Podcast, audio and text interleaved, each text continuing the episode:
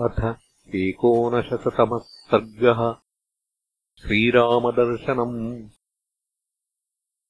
निविष्टायाम् तु सेनायाम्। उत्सुको भरतस्तदा। जगामभ्रातरम् द्रष्टुम्। शत्रुघ्नम् अनुदर्शयन्। ऋषिम् वसिष्ठम् सन्दृश्य मातॄर्मे शीघ्रमानय इति त्वरितमग्रे स जगामगुरुवत्सलः। सुमन्त्रस्त्वपि शत्रुघ्नम् अदूरादन्वपद्यत रामदर्शनजस्तर्शो भरतस्येव तस्य च। गच्छन्नेवाथ भरतः तापसालयसंस्थिताम् भ्रातुः पर्णकुटीम् श्रीमान् उटजम् च ददर्शः। शालायास्त्वग्रतस्तस्या ददर्शभरतस्तदा। काष्ठानि चावभग्नानि पुष्पाण्युपचितानि च।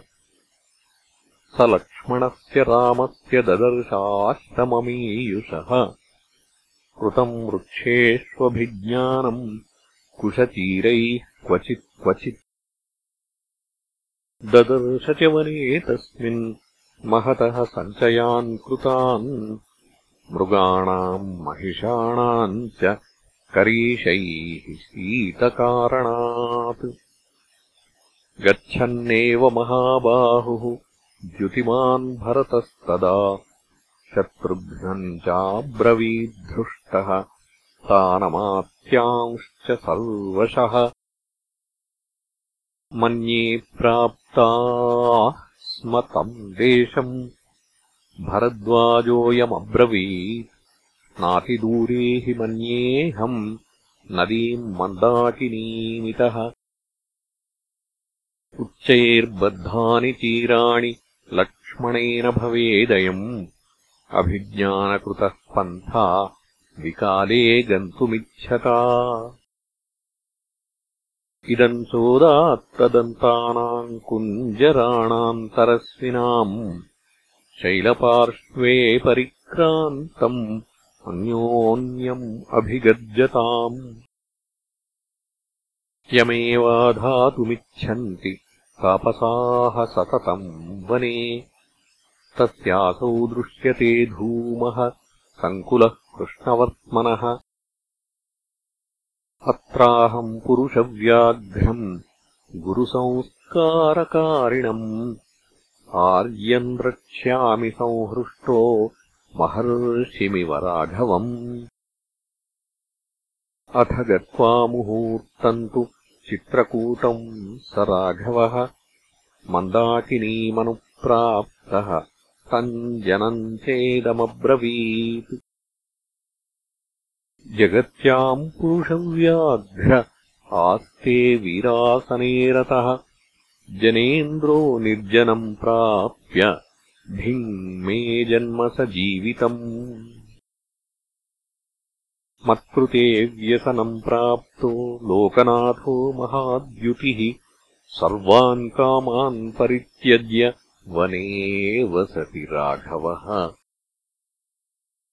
इति लोकसमाकृष्टः। पादेष्वद्य प्रसादयन् रामस्य निपतिष्यामि। सीताया लक्ष्मणस्य च।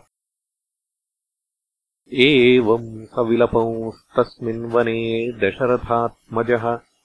ददर्श महतीम् पुण्याम् पर्णशालाम् मनोरमाम् सालतालाश्वकर्णानाम् पर्णैर्बहुभिरावृताम् विशालाम् मृदुभिस्तीर्णाम् कुशैर्वेदिमिवाध्वरे शक्रायुधनिकाशैश्च कार्मुकैर्भारसाधनैः रुक्मपृष्ठैर्महासारैः शोभिताम् शत्रुबाधकैः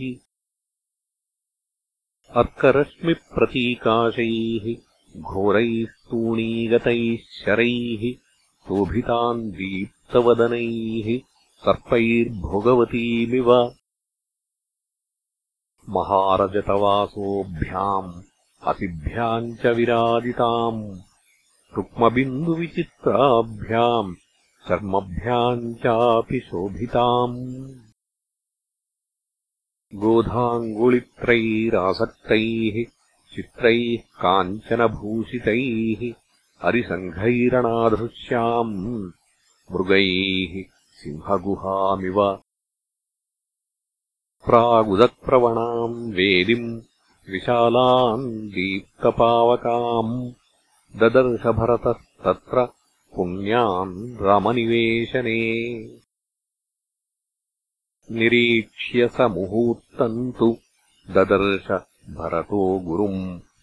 उटजे राममासीनम् जटामण्डलधारिणम्।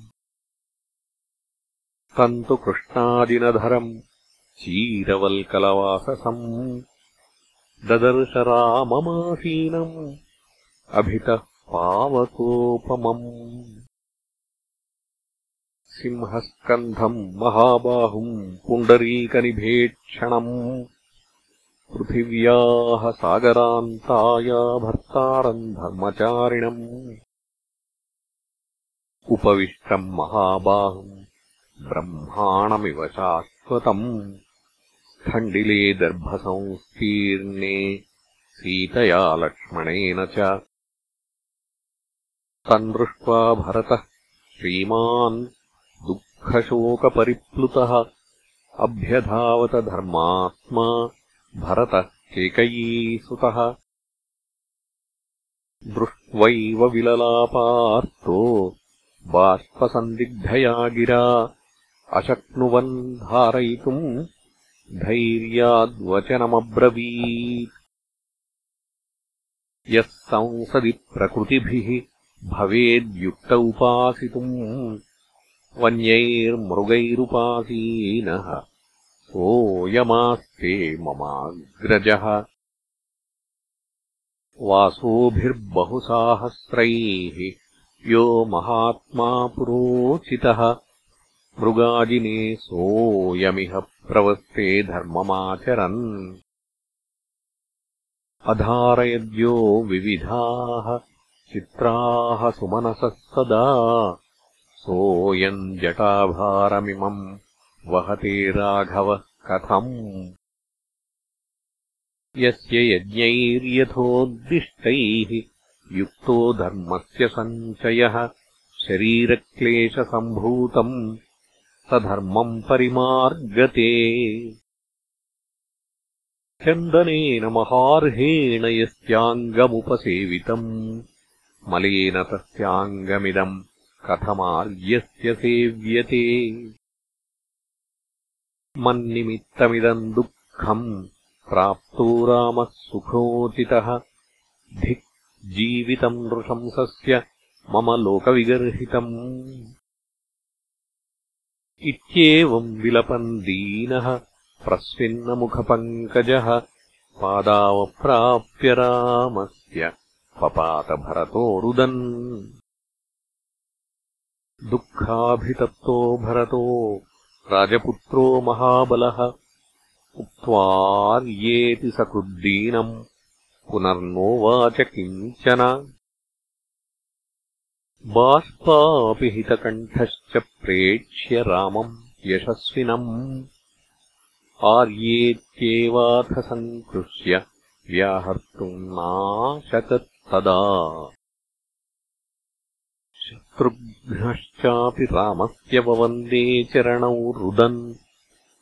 तावुभौ समालिङ्ग्य रामश्चाश्रूण्यवर्तयत् ततः सुमन्त्रेण गुहेन चैव समीयतू राजसुतावरण्ये। दिवाकरश्चैव निशाकरश्च यथाम्बरे शुक्रबृहस्पतिभ्याम् तान् पार्थिवान् वारणयूथपाभान् समागतांस्तत्र महत्यरण्ये वनौकसस्तेऽपि समीक्ष्य सर्वेऽप्यश्रूण्यमुञ्चन् प्रविहाय हर्षम्। इत्यार्षे श्रीमद् रामायणे वाल्मीकीये आदिकाव्ये अयोध्याकाण्डे एकोनशततमः सर्गः